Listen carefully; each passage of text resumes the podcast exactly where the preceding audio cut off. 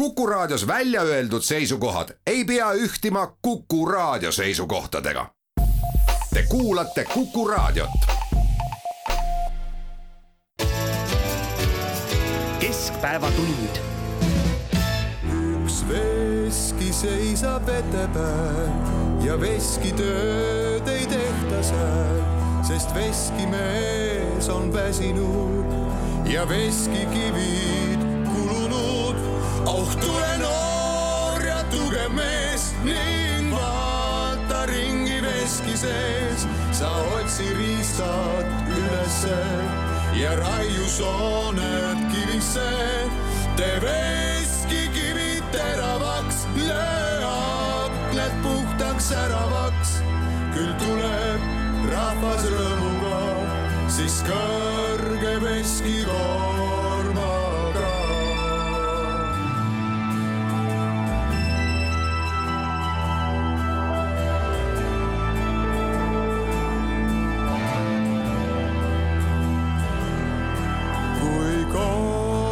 Otsas istutad, õnne eluks ajaks saad. kui koorma kõrval kõnnib neid, siis küsi, kas toob linnaseid. kas on tal pulmad tulemas, kas on tal armas olemas? kui pole tal, siis juttu tee, ehk jääb ta sinna veskisse. kas on tal armas olemas, kas on tal pulmad tulemas? kui pole tal, siis juttu tee, ehk jääb ta sinna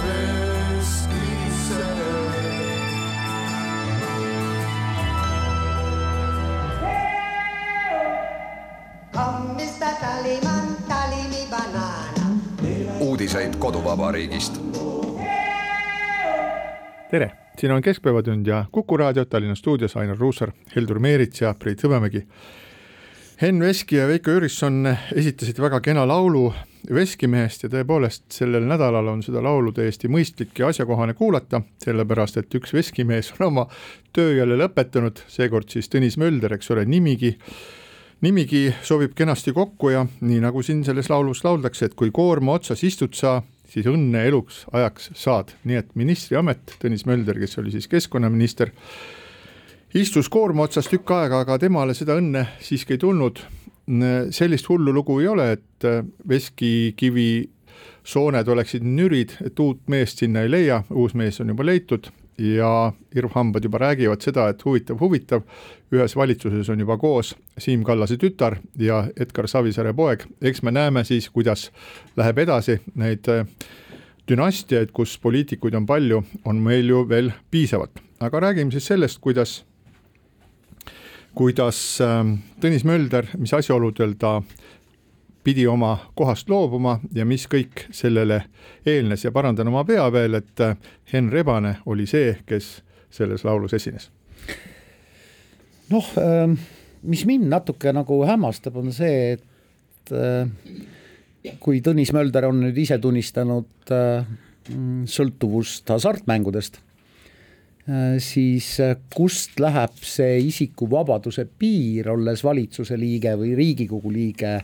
noh, näiteks hasartmänge, mänge mängides. Ja miks see piir nüüd kätte jõudis, kui ta teatas ise vabatahtlikult lahkumisest, et kas sai julgeolekuorganitel kuidagi mõõt täis, kas sai rahakott tühjaks või sai erakonnal mõõt täis või? no siin on ka muidugi sellise, võib veel hüpoteese lisada, et, et me nüüd ei tea tema sellest hasartmängusõltuvuse arengust eriti detaile, aga et, et ta ise on ka viidanud sellele, et ministri töö on ka üsna pingeline sest nad, et tõepoolest, et sul seal nagu vaba hetke ju tegelikult ei olegi, et, et noh, kui sa tuled niisuguste täisenergiat, peas on hulgaliselt plaane, et siis sa mingisuguse aja elad selle pinge üle ja aga nagu ühel hetkel võib inimene sellise pinge all ka murduda ja, ja noh, vähemalt Tõnis Mölder ise ka on rääkinud, et see, need hasartmängud olid tema jaoks üks selline ventiil, mis aitas selle ministriameti pingega toime tulla. Noh, muidugi on ministriamet pingeline, et et eh, enamus eh, tippjuhtide ameteid on tegelikult pingeline, et, et raadiokuulajale tahaks öelda küll seda, et et see müüt, et tippjuht käib ainult koolitustel ja, ja ärilõunatel, ei vasta kuidagi tõele. tippjuht peab ikkagi tegelema väga paljude muude asjadega, kaasa arvatud enne uinumist ja vahetult pärast ärkamist mõtlema selle, milline on vastutus, milline on eelarve, milline on sissetulek, mitte tema isiklik, vaid tema juhitava ettevõtte, millised on kulud ja nii edasi. nojah, et sinna juurde käib ilmselt ka see, et, et et no laupäeva hommikul äh, siis, kui sa mõtled just, et, et on paras aeg lastega pannkooke hakata sööma, et, et siis, siis helistab sulle keegi teine valitsuse liige ja sa pead temaga kolmveerand tundi rääkima või noh, kui, kui täpselt sama asi juhtub pühapäeva õhtul. sest noh, see, see pikapeale ikkagi kulutab päris kõvasti ja no võib-olla, et, et Tõnis Möldril jah, nagu seda sel-, selles mõttes nüüd nii palju seda energiat ei olnud, et niisugust tempot pikalt äh, välja kannatada. jah, või helistab sulle pühapäeva õhtul Jüri Ratas ja laupäeva hommikul äh, Brüsselist Andru, Andrus Ansip. no ja no igal juhul igale poole helistaks, lõppude lõpuks võid olla ka ajakirjanik, kes siis ka laupäeva hommikul helistab sulle mõni poliitik räägib sinuga kolmveerand tundi. see käib palga sisse hästi-hästi, aga räägime veel sellest teemast edasi, et äh, tegelikult ei ole ju mitte äh, probleem ei ole ju siis mitte see, et keegi mängib mingisuguseid mänge. et äh, sa võid mängida klotsidega, sa võid mängida legodega, sa võid mängida mängurongidega, sa võid olla ka ütleme niimoodi, kompulsiivne kabetaja lõppkokkuvõttes. aga keegi ei pane seda pahaks, kui sa kogu oma vaba aja paned siis kabetamise alla. probleem on siis ikka selles, mis tagajärjed sellel sõltuvusel on see on see, millest me ka antud juhul räägime, mitte lihtsalt see, et et noor, noorel poliitikul oli sel-, selline sort, oli tal nagu sõltuvuse geen, mis temal äh, avaldus tugevamini kui teistel, osadel inimestel see on, teistel jällegi ei ole. Ja vaid see, mis siis saab pärast. Ja ütleme nii, et siis selle, see probleem antud juhul on siis selles sõltuvuse tagajärgedes, et sa raiskad ära kas oma raha, sa raiskad ära näiteks eh, riigi raha või sa eirad sotsiaalseid norme väga rängalt ja see on saladus ja selle kõige tõttu muutud sa siis nii-öelda šantažeeritavaks, šantažeeritavaks teadagi kelle poolt, meil ei ole siin vaja väga kaugelt neid eh, jõude või tegelasi otsida, kes siis hea meelega siis eh, korrumpeeriksid Eesti Vabariigi ministreid, nii et kuna, kuna me teame seda, et hasartmängusõltlastel on võimalus ennast siis panna ise kirja siis sellesse blokeeringu nimekirja ja nad on kõik poliitiliselt eksponeeritud isikud, kellele pööratakse rohkem tähelepanu, siis noh, ma oleksin väga imestunud, kui ka sellesse andmebaasi ei oleks mingisugune Vene häkkerite seltskond, keda riiklikult spondeeritakse, sinna sisse murdnud ja võtnud sealt selle nimekirja ja võib väga hästi teada, et millised siis nendest inimestest, kes Eestis mingisugusel alal olulist rolli mängivad, on ennast siis kirja pannud sinna, no nüüd on sinna siis Tõnis Mölder on kirja pandud, aga me teame seda kõike ka avalikumalt, nüüd üks asi, mida me ei tea, on see, et kas ähm, Tõnis Mölder äh, kulutas ära ainult isiklikku raha, sest täiesti ilmselgelt raha kulutamisega on tegu, nagu ma ütlesin, et kui sa oled äh, kompulsiivne kabetaja, sellest ei sünni kellelegi halba, paha on, šantažeeritavaks muutud sa siis, kui sul tekivad võlad, sel-, sellest ei ole siiamaani midagi räägitud. nüüd äh, on vihjatud sellele, et äh, Tõnis Mölder on kulutanud ära omaenda raha, kuid me ei tea, kas ta on kulutanud ära ka näiteks mingisuguseid äh, muid summasid, kas ta on kulutanud ära summasid, mis tegelikult kuuluvad riigile, kas ta on võtnud kellegi käest laenu selleks, et mängida ja see muudab ta šantažeeritavaks, et need küsimused on kõik meil veel vastuseta. ja, ja me ei tohiks kuidagi arvata seda, et me teame selle antud situatsiooni kohta juba kõike ja miks, seda ma võin natukese aja pärast seletada. no rõhutame jah seda, et me ei tea. et me tõepoolest ei tea, mida me teame Eesti lähiajaloost, on üks äh, hasartmängusõltlase juhtum, kes oli kõrges riigiametis ja raiskas tõepoolest või õigemini mängis riigi raha maha, Avo Viiol, kes oli muide minu õppejõud Tartu Ülikoolis ja õpetas mulle majandust ja kelle pärast astus tagasi kultuuriminister Signe Kivi omal ajal. aga, aga Mölderi juhtumi puhul on väga palju küsimärke. Äh, alates sellest, et äh, tema avaldus tuli ikkagi suhteliselt ootamatult, mina tegin temaga intervjuu kaks päeva enne seda, kui ta tegi lahkumisavalduse ja siis ei olnud mitte ühtegi märki õhus, et ta kavatseks ministrikohalt taanduda. mis kuupäev see oli? Äh, kas see oli, kas see oli eelmise nädala reede? äkki. nii, eelmise nädala reede, aga selleks ajaks äh, mina, ma hakkasin huvi pärast nagu kokku panema seda mingisugust aegrida selle kohta, et millal siis valitsuses äh, sellest asjast enam-vähem hakati teada saama ja ma jõudsin sellisele, ma arvutasin välja umbes nii, et kusagil eelmise nädala alguses see asi oli juba enam-vähem selge. eelmise nädala neljapäeval või reedel ma tõesti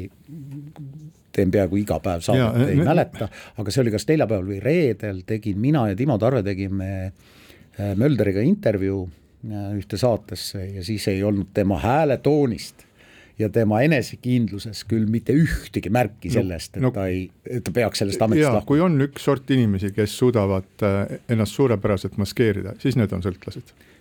Siis, siis on need sõltlased, kes suudavad olla erakordselt enesekindlad ja ära petta kõik lihtsalt selleks, et oma sõltuvust teenida. nii et see, aga, ma ei võta, ma ei võtaks seda nagu tõendina, et Mölder esines kenasti. jaa, aga kui ta tegi teatavaks telekaamerate ees oma lahkumise, siis ei olnud sellest enesekindlusest küll suurt midagi järel, et pigem võib öelda, et nutt oli kurgus. absoluutselt, me meenutame Andrus Veerpalu siis neid hetki kaamera ees, kus tal olid pisarad silmas lihtsalt meenutame seda, ka pisaraid äh, silma saab inimene endale, aga ma ei taha nüüd ütleme, ma tahaks jõuda te teise teema juurde, et kindlasti, et äh, inimene eriti sõltlane suudab oma emotsioone kontrollida, ta suudab petta inimesi, ega siis need inimesed, kes ennast võlgadesse mängivad või võlgadesse joovad, ega nad siis äh, ilmaasjata ei äh, suuda üha uusi ja uusi mingisuguseid summasid või või oma sõltuvuse mm, rahuldamiseks vajalikke mingeid ressursse hankida, eks nad ikka oskavad mängida, aga see, mis selle antud juhtumi puhul minule tähelepanu väga paelus, oli see, kui palju ma ei taha öelda nüüd, nüüd valetamist, aga kui palju ebatõde ja hämamist eelnes nüüd äh, sellele juhtumile, et mõt-, lihtsalt meenutame natuke tagasi mõnda aega tagasi, kui ajakirjanikel hakkas nagu hais enam-vähem silma või hais hakkas äh, ninna tulema, et valitsuses toimuvad mingisugused muudatused, siis küsiti nii Kaja Kallase kui Jüri Ratase käest, et kas, kas keegi astub tagasi, ei, keegi ei astu tagasi, Keskerakonnast ka mitte keegi tagasi ei astu, siis äh, lekkis välja see, et äh, Mölder on see, kes äh, astub tagasi, okei okay,, võeti see omaks, mikspärast Mölder astub tagasi, meile räägiti kaks või kolm päeva lihtsalt sellest, et isiklikud ja perekondlikud põhjused. kõigepealt räägiti sellest, et ta läheb uuele töökohale ÜRO ja, liini pidi kuhu ta ei saa sellepärast, et tal ei ole kõrgharidust. just nimelt, no see oli väike selline Postimehe eksitus, aga noh, ajakirjanikel ikka juhtub, ühesõnaga öeldi, et astub tagasi isiklikel ja perekondlikel põhjustel, ehk nagu see tä-, täielikku tõde ja põhjust meile ikkagi ei öeldud. siis küsiti Jüri Ratase käest seda otseselt, kas ta astub, kas tema tagasiastumisel on veel mingisugune põhjus ja Jüri Ratas ajas talle omaselt mingisugust nagu hülgemöla lihtsalt selle peale, et mõmm-mõmm, mõmm-mõmm, ühesõnaga ma ei tea mitte midagi. ja siis selle kõige tipuks tehti sama, sama päev, mil siis Erki Savisaarest sai uus minister, tehti, tehti temaga raadios hommikul pikk intervjuu, kus temast umbes seitsmeteistkümnendal korral erinevas sõnastuses küsiti, et kas temast saab minister, kas Jüri Ratas on temaga rääkinud ja ta suutis kõikidele küsimustele vastata nii, et ta mitte midagi ei vastanud. Ja siis läks kolm tundi mööda ja ta kinnitati ministriks, ühesõnaga ta kõike seda teadis, aga ajas jama, mina järeldan sellest ühte sedasama asja. Eesti poliitilises kultuuris on jama ajamine muutunud täiesti tavaliseks asjaks, poliitikul silm ka ei pilgu. ta, ta muliseb midagi, ta jätab olulised asjad rääkimata, ta peab aja, ajakirjaniku idioodiks ja vahutab ja vahutab ja vahutab ja vahutab. Ja siis lõppkokkuvõtteks sellel hetkel, kui nüüd temale on tut-, tekkinud siis see strateegiliselt õige hetk, siis ta ütleb seda. Ja minu meelest see on väga mage ja see käib praktiliselt kõikide poliitikute kohta, valetamine ja vassimine ja tõe peitmine on muutunud normiks väga kurb. Teine liin, mille üle võiks arutada, on see, et, et mu meelest Keskerakonnal on nende ministrikandidaatide valimisega nagu viimasel ajal nagu suhteliselt kehvasti läinud, et et Anneli Ott nagu tundub, et, et ei olnud ikkagi nagu ka see õige materjal ministri jaoks. Ja no et, täna me vaat-, vähemalt mina vaatan küll nagu Tiit Terikut ka nagu suure, suure umbusuga, eks, et, et et, et ma ei tea, mis radadel küll nagu Tiit Teriku mõtted on nagu eelmiste aastate jooksul liikunud jah, aga nagu tundus, et, et kultuurist ja spordist ei tea ta küll suurt midagi, et nüüd on ta, nüüd, nüüd ta väidab, et, et Karl Orff on nagu tema lemmikhelilooja, kas tõesti? Heldur, kui, kui lubad, ma märkuse lisan sulle vahele, enne kui sa jätkad, et et Anneli Ott ei teadnud ka kultuurist suurt midagi, aga ta ei osanud ka rääkida.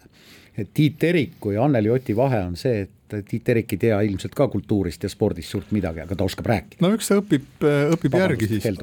eks ta õpib järgi ja, ja ütleme nii, et kui, kui Anneli Ott lahkus, see oli siis teisel novembril, siis, siis öeldi kaljukindlalt, et rohkem lahkumisi meil plaanis ei ole. no ütleme niimoodi, et kui ma püüaks nagu rekonstrueerida seda, et kuidas siis me jõudsime üldse selle äh,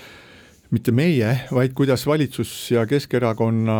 Keskerakond jõudis siis Tõnis Möldri äh, tagasikutsumiseni sealt, siis ma arvan, et see käis umbes niimoodi, et sellele kõigepealt eelnes sellele siis äh, kaitsepolitsei, mm, kaitsepolitseis arutelu, et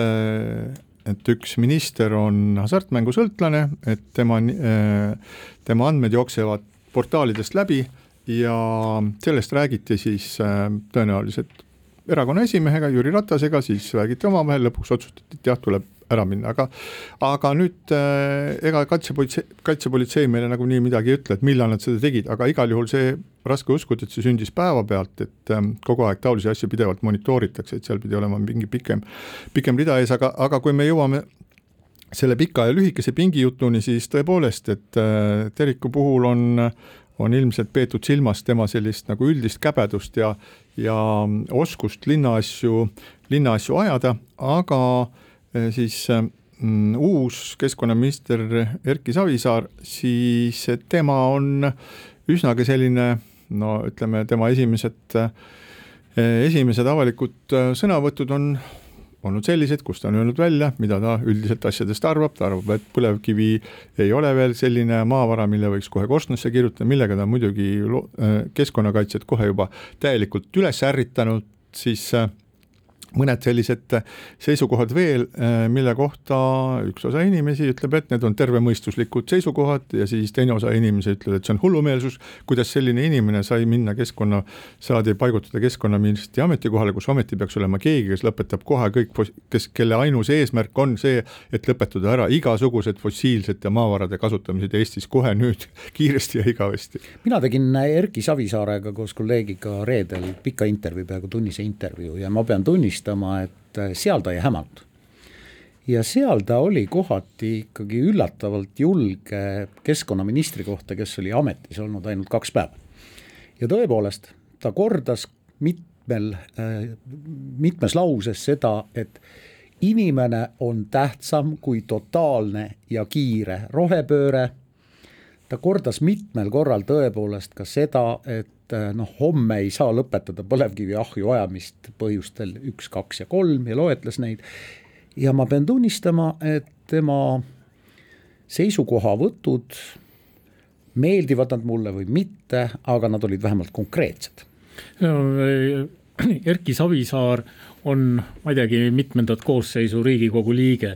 ja ahah, siin. kolmandat. väga jah, ja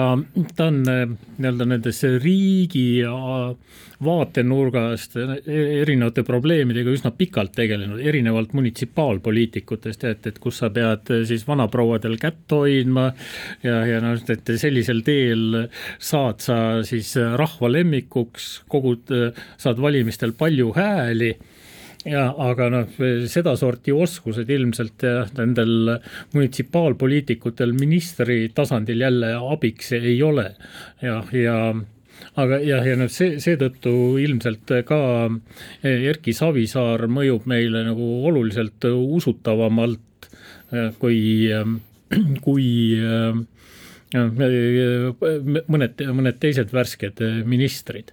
noh, see, mis nüüd puudutab noh, üldse ministri rolli, et siis meil kuidagimoodi on hakatud tõlkima keskkonnaministrit looduskaitseministriks. ja mis on täiesti vale tõlgendus mis on täiesti vale tõlgendus ja mis mulle Erki Savisaare puhul meeldis, oli see, et me teadlikult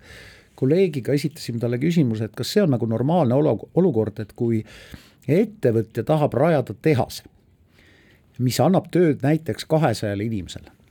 Ja selle detailplaneeringu asukohast leitakse lendorava kakajunn,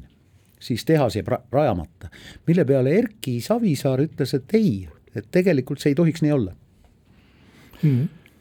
jah, no see lenda, lendorava teemasse teemasse minek on nagu selline keeruline selles mõttes, et see on me, kujund. ja, ja ei kahtlemata ma saan aru, aga et see on kujund, aga ma arvan, et see on nagu, see on kurjast siis, kui keegi ostab äh, sealt äh, poest mingisuguse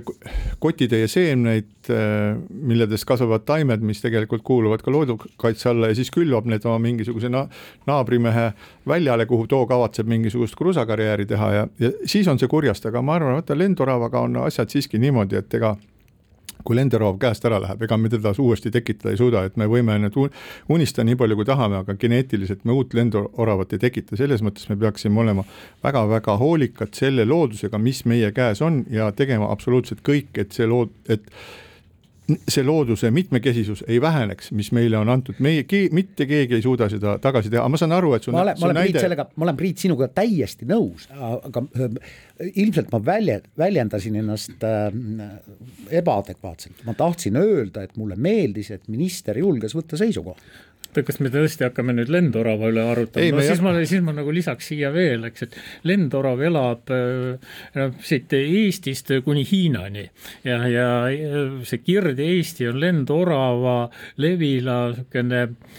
piir ja et, et kus ta nagu juhtumisi võib olla ühel pool ja teisel pool. et, et no see ainult Eestiga ulatuv vaade siin nagu on nagu selgelt eksiteele viiv. ei, see, see ei ole mitte nagu ajakirjanike vaade, see on, see on nagu konkreetsed looduskaitseseadused ja see, see on midagi, mis on äh, Eesti Vabariigi seadusandja poolt seadusesse raiutud ja need asjad, need asjad ei tule nagu juhuslikult, aga mis minu poolt taht... lauale toodud lendorav oli kujund. just nimelt, jätame selle lendorava sinnapaika, et me kõik oleme looduse mitmekesisuse poolt siin, et Eesti metsades käiksid ja, ja liiguksid iga igasugused loomad, aga mis ma selle teema lõpetuseks tahtsin öelda, et need Erki Savisaare seisukohad, mida mina olen kuulnud, on minu jaoks tervemõistuslikud, mulle meeldib tema suhtumine siis põlevkivi energeetikasse, et see on ettevaatlik ja ja selline samas ka mitte tänaseid poliitilisi pro probleeme eirav, sellepärast et lõppkokkuvõttes võt-, oleme, oleme ikka ausad selles mõttes, et meil on olemas oma energeetiline äh, maavara, mis äh, lubab meid olla iseseisvat, jah, lasta musta tossu taevasse, seda küll, aga olla iseseisvat äh, idanaabrist, kes võib-olla tahaks meid natukene gaasiga pitsitada ja meile mingisugust poliitilist survet avaldada, et ma loodan, et Erki Savisaar saab kenasti oma asjadega hakkama, paistab olevat jah, tervemõistuslik inimene, ühest asjast ma veel ei tea ja mis on ka väga oluline, et milline on tema seisukoht siis nagu siis äh, metsanduse küsimuses, et metsandus on üks asi, mis kindlasti tekitab väga palju paksu verd, aga sel teemal pole keegi temaga veel rääkinud rääkinud. ja siinkohal väike paus. keskpäevatund.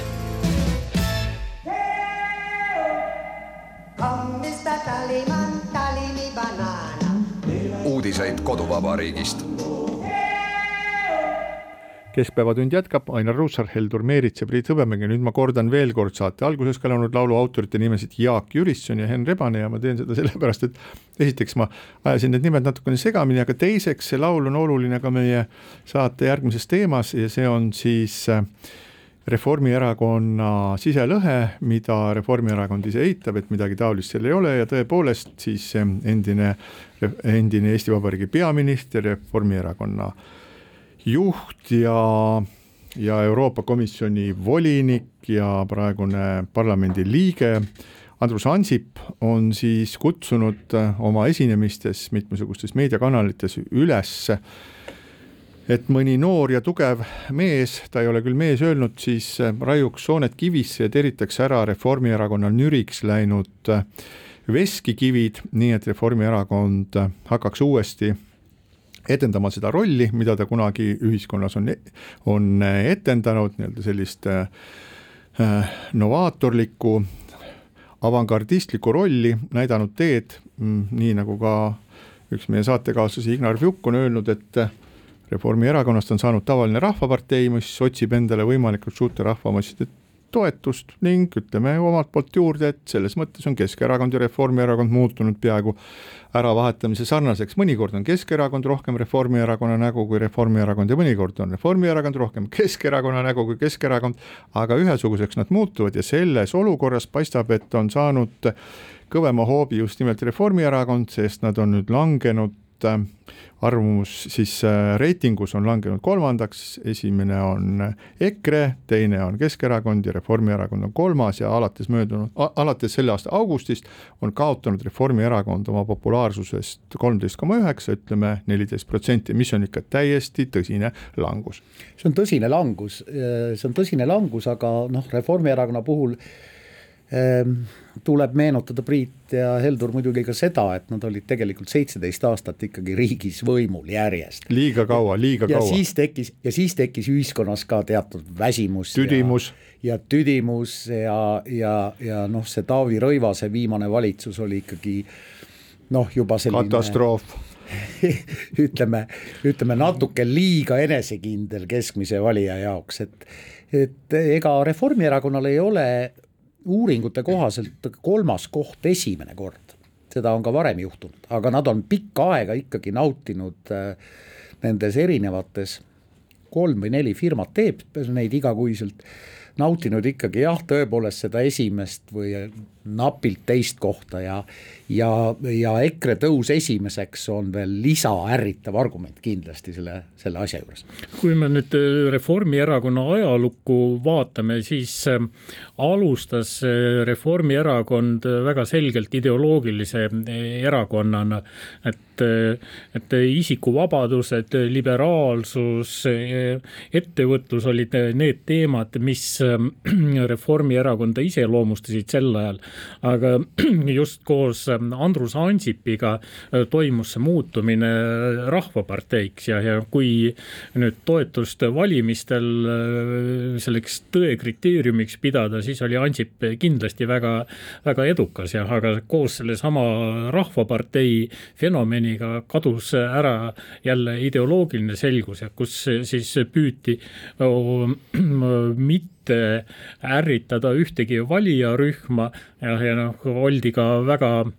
teadlikud sellest, et, et millised äh, valijate rühmad on suuremad ja millised vähemad, kes käib rohkem valimas, kes käib äh, vähem valimas. ja noh, see muidugi muutus selliseks väga ümaraks ja äh, maotuks äh, kõrvaltvaatajale. Ja noh, täiesti nõus, et äh, sellise arengu apoteoos oli Taavi Rõivase valitsuse aeg et, et kus äh, siis äh, erakonna juhtidele tundus, et maailm on valmis, et, et kui midagi on veel vaja teha, siis on see ainult peenreguleerimine. aga nagu ennegi on nagu osutunud jah, et, et ajaloo lõpp ei ole käes ja, ja nüüd on nagu see olukord hoopis teine ja et, et sest enam ei ole seda kolmekümneprotsendilist toetust, on ainult kahekümne protsendine just, et sinised šokid tõepoolest ei aidanud riigivalitsemisele väga palju kaasa, aga noh, meenutame, et, et äh, Taavi Rõivasega lõppkokkuvõttes ka juhtus niimoodi, et ta sattus, sattus peaministriks, sellepärast et äh, kunagine peaminister ja üks Reformierakonna alusepanijaid, kodanike manifesti üks autoreid, Siim Kallas lihtsalt võttis, võttis kätte ja sõitis kiiresti lennukiga Brüsselisse tagasi ja sinna see jäi ja niimoodi saigi siis noorukesest Taavist sai peaminister ja ta võttis seda kui ma ei tea, preemiat, mis on talle teenete eest langenud sülle. see, millest on viimasel ajal palju räägitud, on see, et peaministri ametit peetakse selliseks või on hakatud pidama selliseks töövõiduks, et sa oled oma erakonnas, sa oled tublit tööd teinud, siin oled roninud, olnud üks minister, teine minister, kolmas minister siis sa lõppude lõpuks saad endale selle peaministri positsiooni ja siis sa seal nagu mõnusasti oled ja naudid seda positsiooni, nüüd on ju huvitav on see, et, et tegelikkus on selle kontseptsiooni täiesti pea peale paisanud, et meil on äh, mitmesugused erinevad kriisid, meil on, meil on äh, koroonakriis, meil on äh, majandusega keerulised ajad, kus kord kõik käib alla ja siis jälle kõik lendab kümneprotsendilise kiirendusega, lendab ülespoole, kus on vaja sellist ühelt poolt paindlikkust ja teiselt poolt väga head kriisi planeerimist ja kriisikavasid, aga tuleb välja, et ei paindlikkust ega kriisikavasid väga palju ei ole, kui ma meenutan siis seda, kuidas Reformierakonnast on, on saanud veel nagu Rahvapartei, siis lihtsalt ei ole ju vist kuud aegagi möödas sellest ajast, kui kõrgete elek-, energiahindade kompensatsioonidest rääkides ütles Reformierakonna ka võiks öelda raudvara Äh, pea, praegune rahandusminister Keit Pentus-Rosimannus, miks nad on valinud just nimelt sellise, sellise lahenduse energiahindade tõusu kompenseerimist, et muidu jõukamad oleksid ka saanud, muidu oleksid jõukamad ka saanud, ütleb siis sellise erakonna rahandusminister, mille e üks eesmärke oli teha Eestist jõukas ja, ja ettevõtjasõbralik riik. Ja see on minu meelest täielik anekdoot ja võib-olla kõige paremini siis üldse üldse näitab seda, mis, kuhu Reformierakond on siis oma arengus jõudnud. no meenutagem, et just Reformierakonna üks loosung, mille üle ka meie siin ilkusime ja väga paljud ilkusid, oli eh, viie Euroopa riik, rikkama riigi hulka, eks noh, see oli natukene lapsik, aga iseenesest mulle see ambitsioon mulle. ambitsioon ja eesmärk oli suur. ambitsioon on hea, arvestades seda, et meil on nagu riik on meil väike ja siin saab teha täiesti imelisi asju ja me, ja me ka oleme siis ühiste jõududega, mina, me, ma ei taha Äh, ma, ma tahaksin nagu rõhutada seda, et neid asju ei tee nii-öelda valitsus, vaid äh, suuri asju teeb ikka riik ja, ja teeb ikka rahvas üheskoos. Ja ja nüüd sel nädalal on olnud siin diskussioone sellega just nimelt seoses Ansipi kriitikaga Kaja Kallase kohta, äh, kus siis Kaja Kallase kaitsjad on omakorda öelnud, et jaa, et aga vaadake, et kuidas, kui head on meil, kui head on meil siis majandustulemused. No ma ütlesin, et vabandage väga, et valitsusel ei ole nende majanduse, ettevõtluse Äh, ettevõtluse tulemustega ja selle majanduskasvuga küll mitte midagi pistmist, et äh, Eesti majandus sõltub peamiselt äh, väliskeskkonnast, on pisike, ta reageerib sellele, mis väljaspool toimub, nii et ei maksa ennast siiski nii-öelda võõraste sulgedega nii hullalt ehkima, ehtima hakata või mis sa arvad, Heldur? no ma mõtlen, et, et katsuks seda Reformierakonna arengulugu veel niimoodi diagnoosida, et et, mul on hakanud tekkima siin viimasel ajal tunne, et, et kas koos Kaja Kallasega ei ole järsku sinna Reformierakonna tegevusse ka nagu see ideoloogiline noot tasapisi tagasi tulemas. et hästi palju me räägime võitlusest kroonviirusega, aga see nagu selles kontekstis tundub nagu rohkem müra olevat. ja, ja kas nüüd noh, ilm, ilmselt on nii, et, et see reitingute kukkumine kolmekümnelt kahekümnele, et, et see on nagu tõenäoliselt jah, rohkem äh, küll äh, seotud tegevusega kroonviiruse vastu võitluses, aga noh, samal ajal äh, võib olla, et Andrus Ansipit häirib ikkagi ka see, et, et et see tema ajal saavutatud kõrge tase, et, et see on äh, maha, maha mängitud. ja, ja nüüd täna on võib-olla keeruline öelda, eks, et, et kui palju on siin nüüd erakonna ideoloogilisemaks muutumisel tegemist, kui palju on siin nüüd äh, lihtsalt sellise oh, raskelt otsuste sündimist äh, näitava kehakeelega tegemist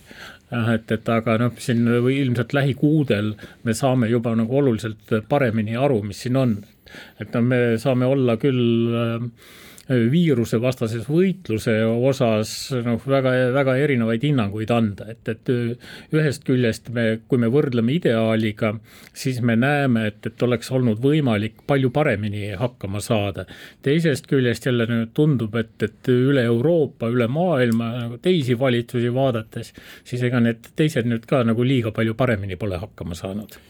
jaa, eks see ongi võib-olla see selline globaalne ülesanne, mil, mida ei olegi võimalik päris täpselt välja arvutada, et me saame selle tulemuse teada siis, kui see tulemus on lõpuks käes, aga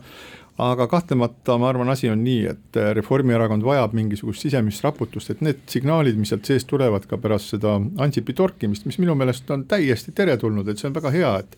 et ta torgib seda, seda erakonda, et seal sees on ju täiesti tuntavaid äh, veealuseid pingeid, see on äh, Michal, Rosimannus, Kallas, Ansip, kes on erinevatel aegadel olnud Ligi. jah, Ligi, kes on erinevatel aegadel olnud erineval poolel, aga praegu hoitakse erakonna sees sellist väga, väga selget joont, et ei, ei, ei, ei, mitte midagi ei ole, aga tegelikult midagi seal tuha all on, nii et las, las teevad oma pesa puhtaks ja ma arvan, et Eesti poliitikale on see lihtsalt kasulik ja siinkohal väike paus. keskpäevatund Tallyman, tally me banana. uudiseid koduvabariigist.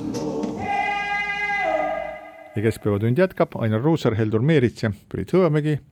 Tallinna stuudios ja räägime nüüd just nimelt räägimegi Tallinnast. Tallinnas on siis uus linnavõim, pikk ja ma ei tea, kas see oli keeruline või mitte, läbirääkimine sotsidega või sotsiaaldemokraatidega on siis lõpuks jõudnud sellisesse punkti, kus on teada ka konkreetsed inimesed, kes hakkavad Tallinna linnas siis võimu realiseerima ja ma ei tea, kas siin on erilisi üllatusi või, või mitte. palju kriitikat on saanud avalikkuses see, et Tallinna abilinnapead on meil peamiselt venekeelsete nimedega, et see on ka väga, väga, väga pika aja jooksul esimene selline linnavalitsus, kus on võõrkeelsete nime, jäme ots on võõrkeelsete nimedega inimeste käes, kas see on kogemata tulnud, kas see on teadlik, sellest me jõuame veel arutleda. no mis mind üllatas, oli ikkagi see, et äh, koalitsiooni, Keskerakonna koalitsioonipartner äh, sotsiaaldemokraadid ei suutnud kuu aja jooksul, kuu aja jooksul ei suutnud neid, neile määratud äh, või neile antud kohti nimedega täita, see oli minu jaoks üllatus. kuu aega on ikka väga pikk aeg et jah, kas see tõesti tuli neile nii suure üllatusena, no seal üks aspekt oli muidugi see, et, et kui teatud valikute puhul, kui oleks äh, riigikogust lahkutud, et, et siis oli küsimus selles ja et, et, et asemele oleks tulnud vahepeal Keskerakonda liikunud inimesed, no mis ilmselt tegi asja keerulisemaks, aga ilmselt oma, oma element oli selles ka tõesti, et, et see oli nagu poolest saadik niisugune mentaalne üllatus, et nüüd tõesti on tarvis reaalselt nendele ametikohtadele inimesi saada, aga nüüd noh, mis puudutab seda linnavalitsuse rahvuslikku koosseisu. siis see nii vene, vene, venemeelne ei ole või no, vene perekonnanimedega ei ole. ei, aga ma mõtlesin ma mõtlesin abilinnapeasid, kus on Vadim Belobrovtsev, Vladimir Svet, Andrei Novikov ja Bettina Beškina, Beškina, jah. et, et no seal on nii, et, et Keskerakonna esindajad on kõik vene kodukeelega jah, aga seal kõrval on siis sotsid ja et, et kes siis on nagu kõik siuksed tublid maatõugu inimesed. et, et siin on niisugune huvitav tõesti rahvuslik äh,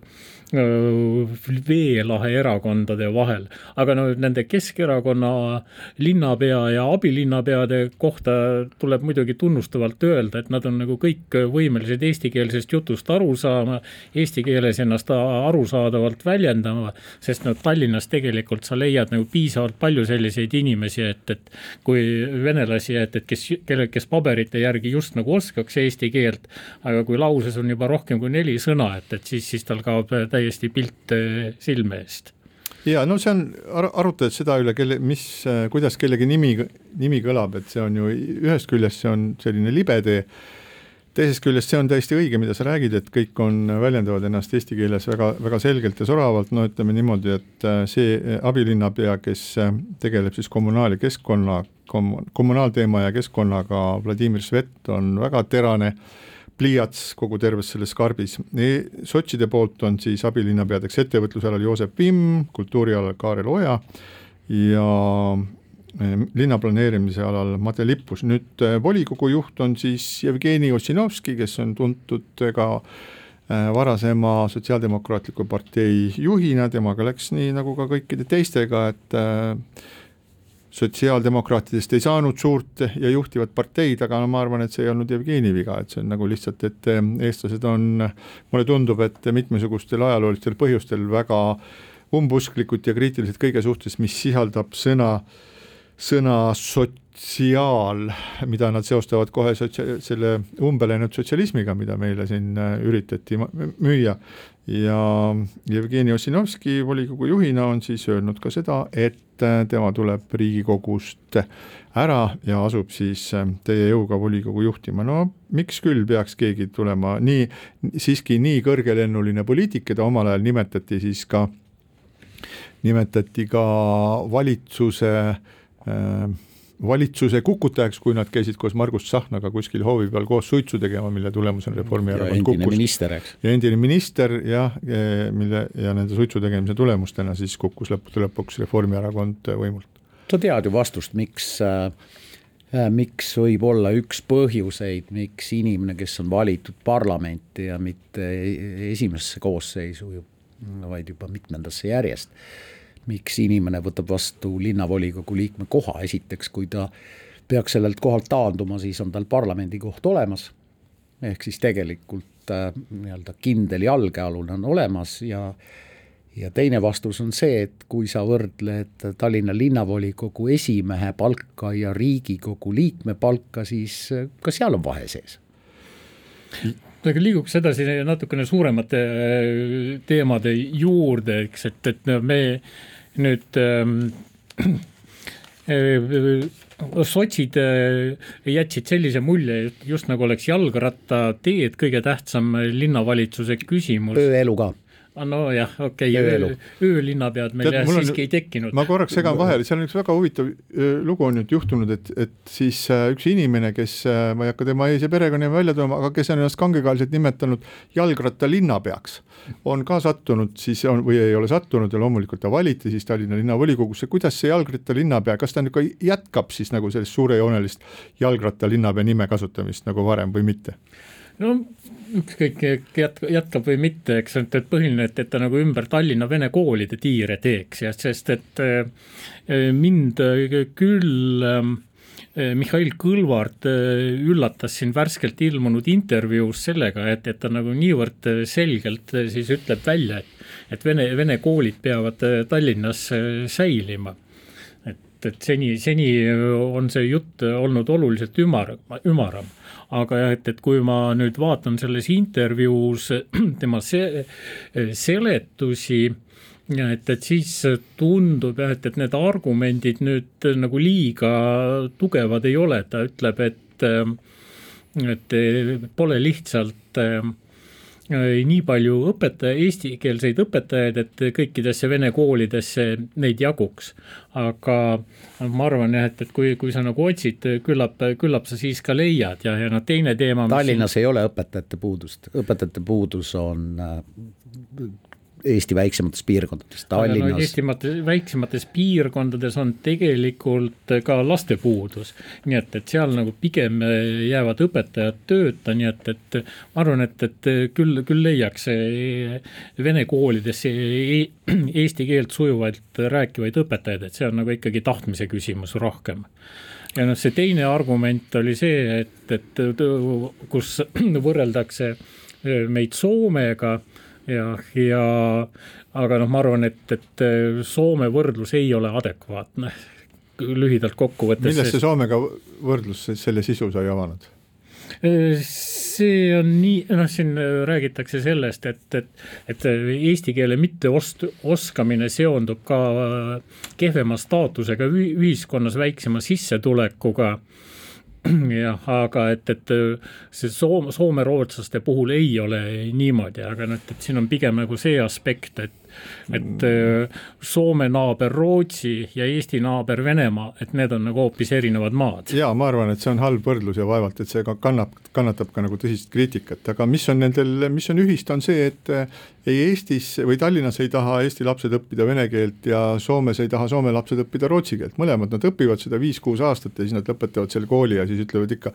mömm-mömm, et selles mõttes on see täitsa nagu maha visatud aeg, et kui me vaatame mõnda last, kes äh, õpib koolis nüüd ei tea juba mitmendat aastat vene keelt, siis selle asemel võiks, ma arvan, et saksa keeles oleksid palju paremad äh, tulemused kui sellele, kuna selle taga on ka mingisugune suur ja arusaadav selline äh, läänekristlik kultuuriruum kust midagi on saada, kuhu võiks minna, sa võid sõita Berliini või, või Dresdenisse või Leipzigi, sa võid lugeda raamatuid, sa võid va vaadata internetti ja see on väga suur ala, kus sa saad väga palju ja mis on Euroopas tänapäeval väga oluline, aga, aga siiski, mis mõte on õppida vene keelt eh, nii-öelda strateegilises mõttes,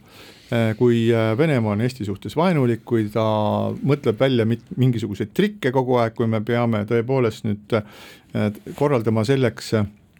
sõjaväelisi õppusi, et minna igaks juhu, igaks juhuks siis selle riigiga piiri tugevdama, sinna okastraati keerutama, et sealt ei hakkaks mingisugused hübriidsõja ka sinnapoole toodud migrandid tooma, et minu meelest on see vene keele õppimine täiesti mõttetu. vastupidine ma, argument on see, et, et vaenlast pead sa tundma. ja, ja igasugune äh,, igasugune keele õppimine ei jookse kunagi mööda külge maha, et äh, ma tean, Priit, su seisukohta, aga suur eesmärk võiks ikkagi olla see, et et, et me ei peaks vaidlema mitte selle üle, kas kusagil koolis õpetatakse vene keelt, vaid me peaksime ikkagi seadma suureks eesmärgiks selle, et kooli lõpetav, põhikooli lõpetav vene kultuuriruumist ja vene perekonnast pärit noor inimene oskab eesti keelt. ja see on õige selles mõttes, et igal pool maailmas täpselt nii toimubki, et kui sa oled venelane ja lõpetad, lõpetad Inglismaal kooli, siis sa räägid inglise keelt ja Saksamaal lõpetad kooli, siis sa räägid, räägid saksa keelt, nii et selles mõttes ma arvan, aga kuna äh, Mihhail Kõlvart on väga nutikas tegelane, siis äh, ta teab väga hästi seda, et see on kaotatud võitlus, see on kaotatud võitlus ja venekeelne kool kaob nagunii, aga ta kasutab seda oma valijate huvides ja siinkohal täname teid täna kuulamast, lõpetame saate ja kohtume taas nädala pärast. keskpäevatund